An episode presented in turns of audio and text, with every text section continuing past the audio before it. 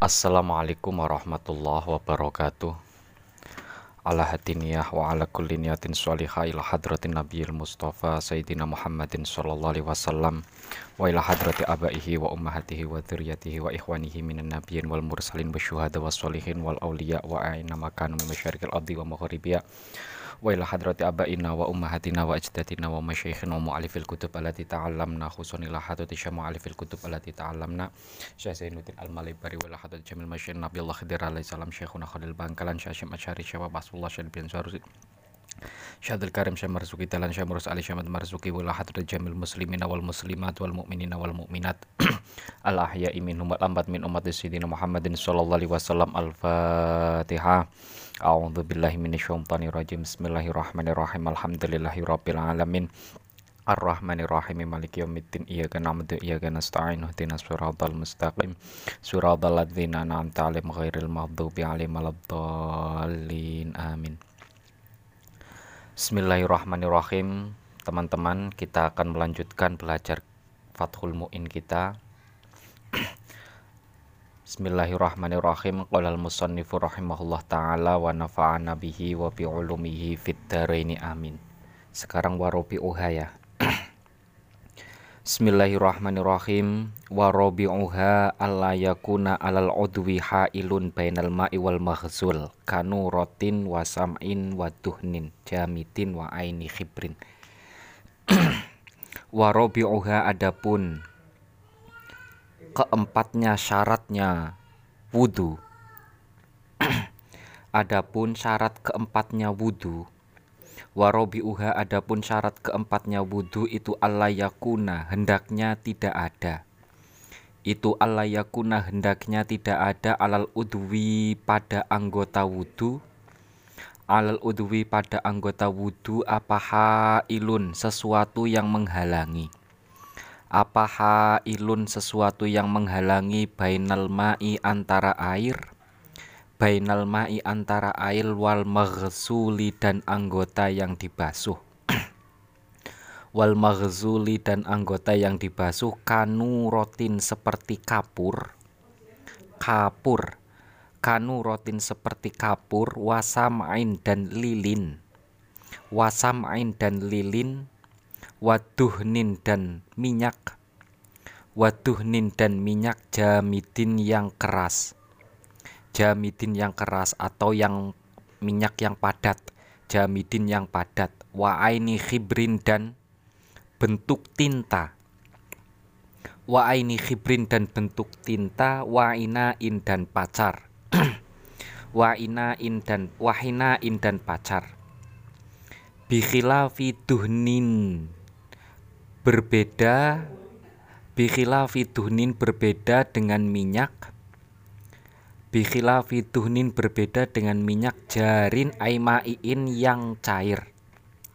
Jarin aimaiin yang cair wa in lam yas wa in lam yasbut meskipun tidak menetap. Wa in lam yasbut meskipun tidak menetap apa alma'u air apa alma'u air alaihi pada anggota wudhu alaihi pada anggota wudhu wa athari khibrin dan bekas tinta. Wa athari khibrin dan bekas tinta wahinain dan pacar. Wahinain dan pacar. Jadi syarat keempat dari wudhu itu adalah antara air dan anggota yang dibasuh itu tidak ada sesuatu yang menghalangi. Alias apa?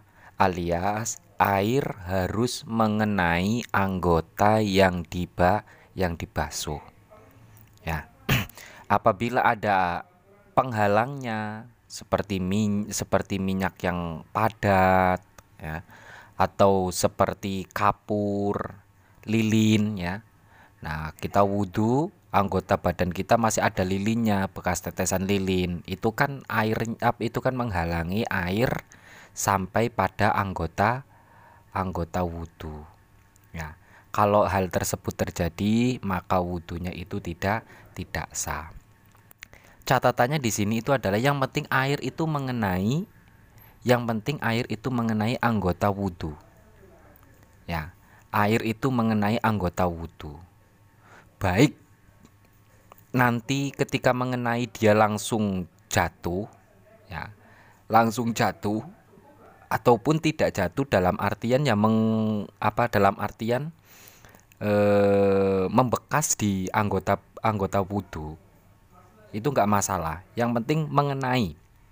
Nah, untuk itu ketika ada minyak yang cair, ya, minyak yang cair dalam artian di anggota badan kita itu ada minyaknya, tapi cair. Maka ketika kita wudhu, nah air itu kok mengenai anggota badan kita, nah itu tetap dihukumi sah wudhu kita. Karena meskipun ada tinta, meskipun ada minyaknya, hal itu tetap bisa ya, tetap bisa me menyentuhkan air pada anggota wudhu. Beda halnya dengan sesuatu yang padat, sesuatu yang keras, sesuatu yang sesuatu yang padat seperti seperti apa? lilin dan lain sebagainya itu kan bisa menghalangi jelas-jelas menghalangi Ya, tapi kalau tidak menghalangi alias air masih bisa menyentuh kulit, itu masih bisa diperbolehkan alias wudhunya masih dikategorikan sah. Itu ya. Ya, yang penting catatannya di sini itu adalah airnya itu mengenai anggota anggota wudhu. Kalau ada yang menghalangi, ya, kalau ada yang menghalangi alias bisa menjadikan air tidak mengenai anggota wudhu, maka wudhunya tidak tidak sah. Wakadha begitu halnya Wakadha begitu halnya yustarotu disyaratkan. Yusar, Yustarotu disyaratkan alama sebagaimana keterangan. Alama sebagaimana keterangan jazama yang mantap. Alama alama sebagaimana keterangan jazama yang mantap bihi dengan pendapat tersebut. Bihi dengan pendapat tersebut siapa kathiruna mayoritas ulama Syaratnya apa? Alayakuna hendaknya tidak ada. Apa alayakuna hendaknya tidak ada? Apa washun kotoran? Apa washun toto kotoran tahta zufrin yang berada di bawahnya kuku? Di bawah yang yang berada di bawahnya kuku yamna'u yang bisa menghalangi yamna'u yang bisa menghalangi wusulal ma'i pada sampainya air wusulal ma'i pada sampainya air lima pada kulit lima pada kulit tahtahu yang berada di bawahnya kuku. Tahtahu di bawahnya kuku khilafan berbeda pendapat lijam'in pada golongan ulama. Lijam'in pada golongan ulama minhum di antaranya Al-Ghazali adalah Imam Al-Ghazali wa Syarkasi dan Imam Asyarkasi wa ghairihima dan selainnya Al-Ghazali dan Az-Zarkasi.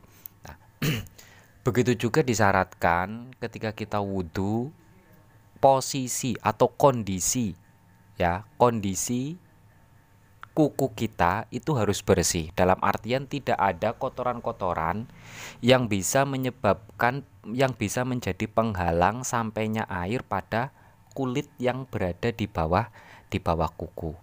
Nah, di bawah kuku itu kulitnya harus terkena harus tersentuh dengan air wudhu. Kalau terhalangi dengan kotoran itu bisa menyebabkan wudhu kita itu tidak sah.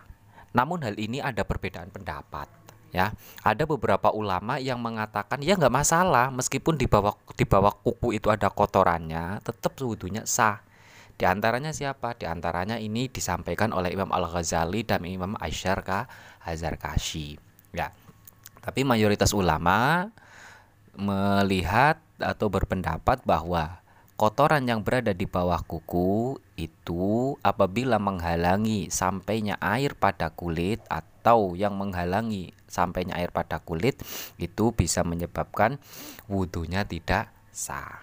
Ya, itu mayoritas ulama, tapi ada beberapa ulama yang memperbolehkan. Nah, tapi kita dalam hal ini tidak bisa memahami potong keterangan ini. Nah, ada keterangan selanjutnya wa atolu.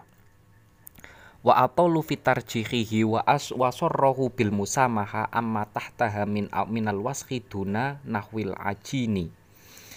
wa atalu dan memanjangkan siapa ulama wa atalu dan memanjangkan siapa ulama fitarjihihi dalam pertimbangannya ulama fitarjihihi dalam pertimbangannya ulama nah namun ulama itu mengkaji lebih lanjut nah ya dari titik awalnya itu ya secara sederhana ada perbedaan ulama, ada perbedaan pendapat terkait tentang masalah kotoran yang berada di bawahku di bawahku kuku. Tapi ya dari dua pandangan ini ya, dari dua pandangan ini dikaji lebih lanjut. Nah, dikaji lebih lanjut eh, tentang masalah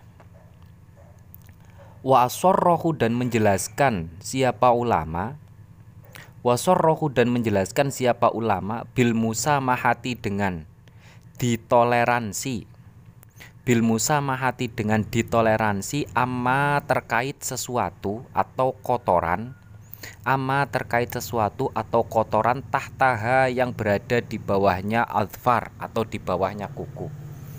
Tahtaha yang berada di bawahnya adfar atau di bawahnya kuku minal washi yakni kotoran.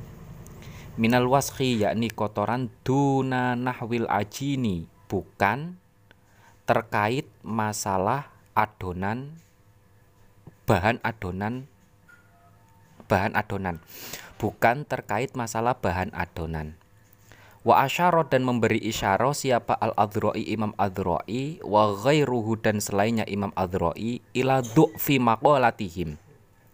Ila du'fi maqalatihim pada lemahnya pendapat ulama pada pendapat ulama pendapat ulama yang mengatakan tentang musamaha atau tentang toleran toleransi kotoran ya kotoran yang berada di bawah kuku itu ditoleransi itu menurut Imam Imam Az-Zarkashi itu hukumnya adalah menurut Imam Al-Adroi ya pendapat itu adalah lem, lemah.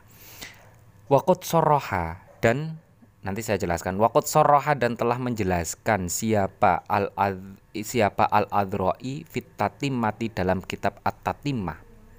Wa ghairiha dan selainnya at-tatimah bima sebagaimana keterangan firraudoti dalam kitab ar-raudhah wa ghairiha dan selainnya ar-raudhah.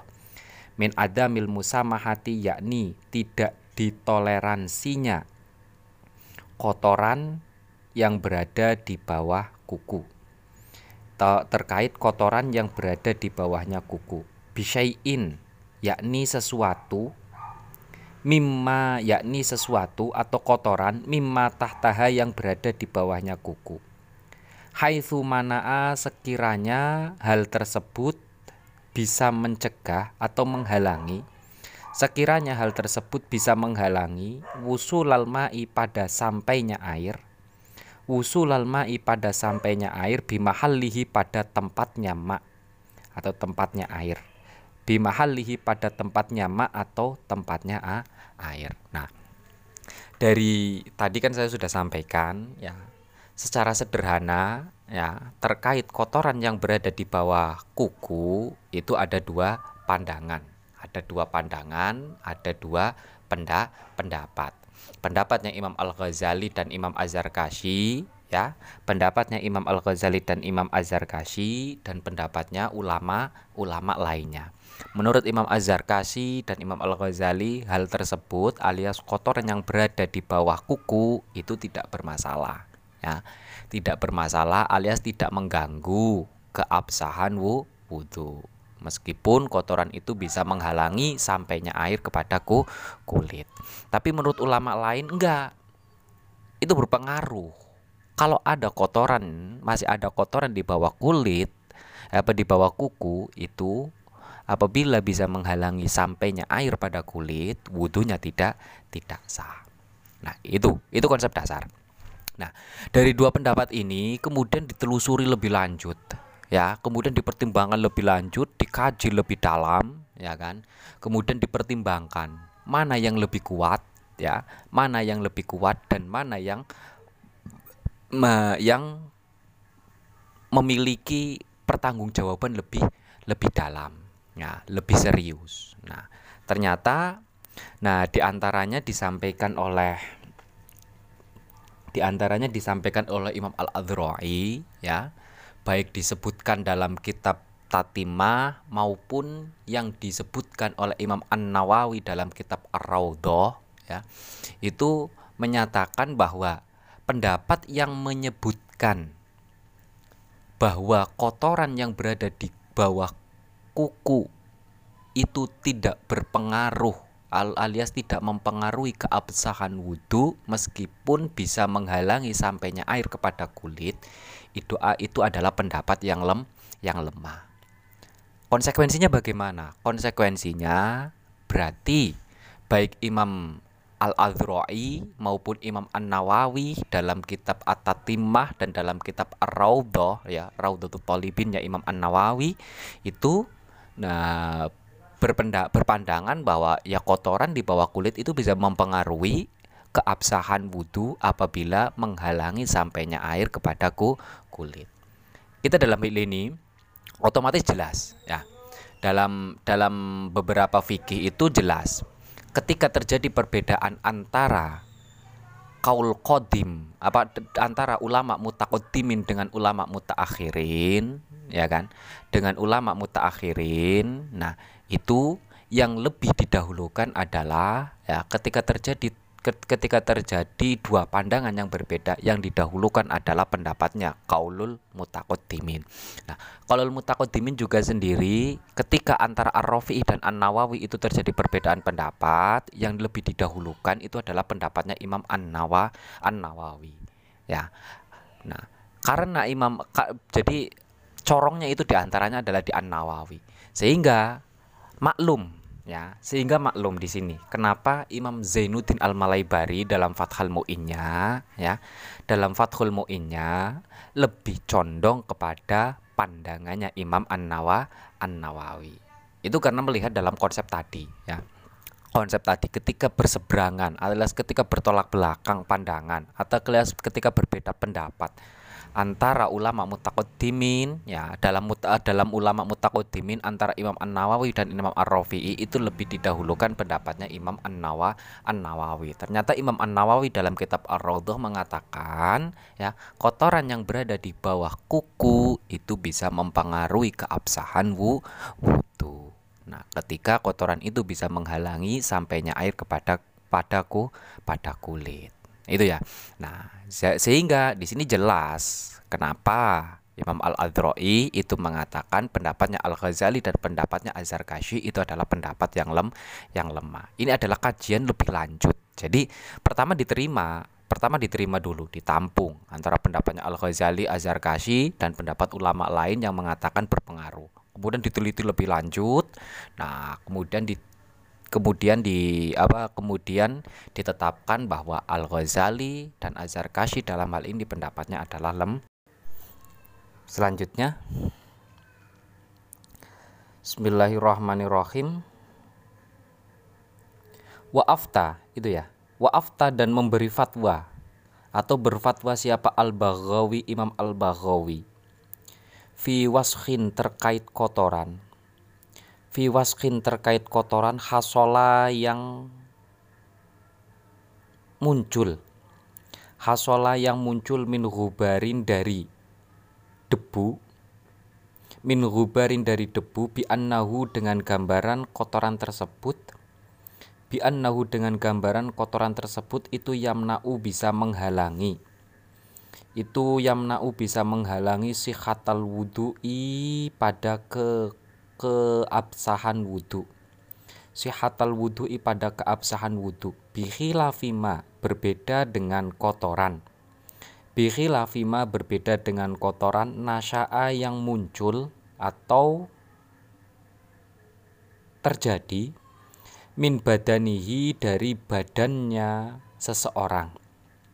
Min badanihi dari badannya seseorang. Wahua adapun mana sya'a min badanihi itu al aroku keringat itu al aroku keringat al mutajam midu yang mengeras ya al mutajam midu yang mengeras wajazama dan yakin siapa an al baghawi bihi dengan fatwa tersebut fil anwari dalam kitab al anwar fil Anwari dalam kitab Al Anwar. Tapi Imam Al Baghawi itu memilah. Memilahnya begini. Pilahannya Imam Al Baghawi bahkan ini pendapatnya Al Baghawi ya pendapatnya Imam Al Baghawi itu diyakinkan dimantapkan apa beliau mantapkan kembali dalam kitab Al Anwarnya yang dibedakan pendapatnya Imam Al Baghawi itu adalah apabila kotoran itu dihasilkan ya terjadi atau dihasilkan atau terjadi dari sesuatu di luar diri manusia dalam artian seperti debu ya kan atau seperti debu atau seperti kotoran apa kotoran cat dan lain sebagainya ya kan kotoran-kotoran yang berada di bawah kuku itu kok terjadi karena karena sesuatu yang di luar diri manusia itu bisa menyebabkan wudhunya tidak tidak sah. Dalam artian begini, kalau kita wudhu, kemudian di badan kita ada kotoran, ya, ada kotoran yang muncul dari debu atau cat ataupun lainnya. Nah, ya dari luar diri manusia, ya. Dan sesuatu itu bisa menghalangi sampainya air pada kulit, maka wudhunya tidak sah. Beda halnya kalau kotorannya itu muncul dari diri manusia itu sendiri. Dalam artian kayak gini. Orang kalau keringetan kemudian lama itu kan akan jadi akan jadi kotoran itu yang namanya apa itu? Ya. Hitam itu kalau kalau digosok itu kan jadi hitam. Ya kan? Nah, itu kan me, mengeras dan bisa menghalangi sampainya sampainya air ke kulit aslinya. Nah, kalau itu yang terjadi, ya kan? Kalau itu yang terjadi, dalam artian kotoran itu terjadi dari diri manusia, ya, keringat kemudian menjadi guluh itulah kalau bahasanya bahasa Jawanya itu, ya. Nah, itu nggak masalah. Kalau di bawah kul apa di bawah kukunya itu adalah karena karena kotoran karena keringat itu yang sudah menggempal itu ya yang sudah mengeras itu guluh itu ya itu nggak masalah. Di bawah kuku itu adalah guluh itu ya itu nggak masalah. Tapi kalau bukan guluh ya bukan dari diri manusia kayak dari debu kemudian tanah ya cat dan lain sebagainya itu bisa mempengaruhi mempengaruhi keabsahan wudhu ya itu pendapatnya Imam Al Baghawi ya jadi pemilahannya Imam Al-Baghawi ini yang berbeda. Dalam hal ini pemilahan Imam Al-Baghawi yang berbeda. Ketika kotoran itu berasal dari diri manusia itu sendiri, ya, dari guluh itu, ya, dari guluh, ya, keringat yang sudah me, apa keringat yang apa ketika sudah kering itu kan nanti kan akan ada kalau digosok itu kan ada item-itemnya itu ya. Nah, itu menurut Imam Al-Baghawi nggak masalah kalau kalau penghalangnya itu tapi kalau penghalangnya dari luar diri manusia, itu bisa mengganggu keabsahan atau mempengaruhi keabsahan wudhu seseo, seseorang. Ya, jadi jelas ya perbedaan ini. Ya, nah itu adalah solusi. Paling paling ini adalah tawaran solusi, ya, tawaran solusi dari Imam Zainuddin Al Malaybari. Ya, ketika tidak bisa, mene, apa, ketika me, setelah mengkategorikan bahwa pendapatnya Imam Al-Ghazali itu lemah ya kemudian diberikan solusi diberikan solusi dengan pendapatnya Imam Al-Baghawi Al-Baghawi Imam Al-Baghawi itu lebih selek apa lebih apa tidak se tidak seluas dari pendapatnya Imam Al Ghazali. Kalau Imam Al Ghazali apa pun kotoran itu, baik diri dari diri manusia ataupun tidak, itu tidak mengganggu keabsahan wudhu seseorang. Tapi Imam Al Baghawi itu tidak. Kalau dari diri manusia itu itu tidak mempengaruhi keabsahan wudhu tapi kalau dari dua dari luar diri manusia itu bisa mempengaruhi keabsahan bu keabsahan wudhu itu ya.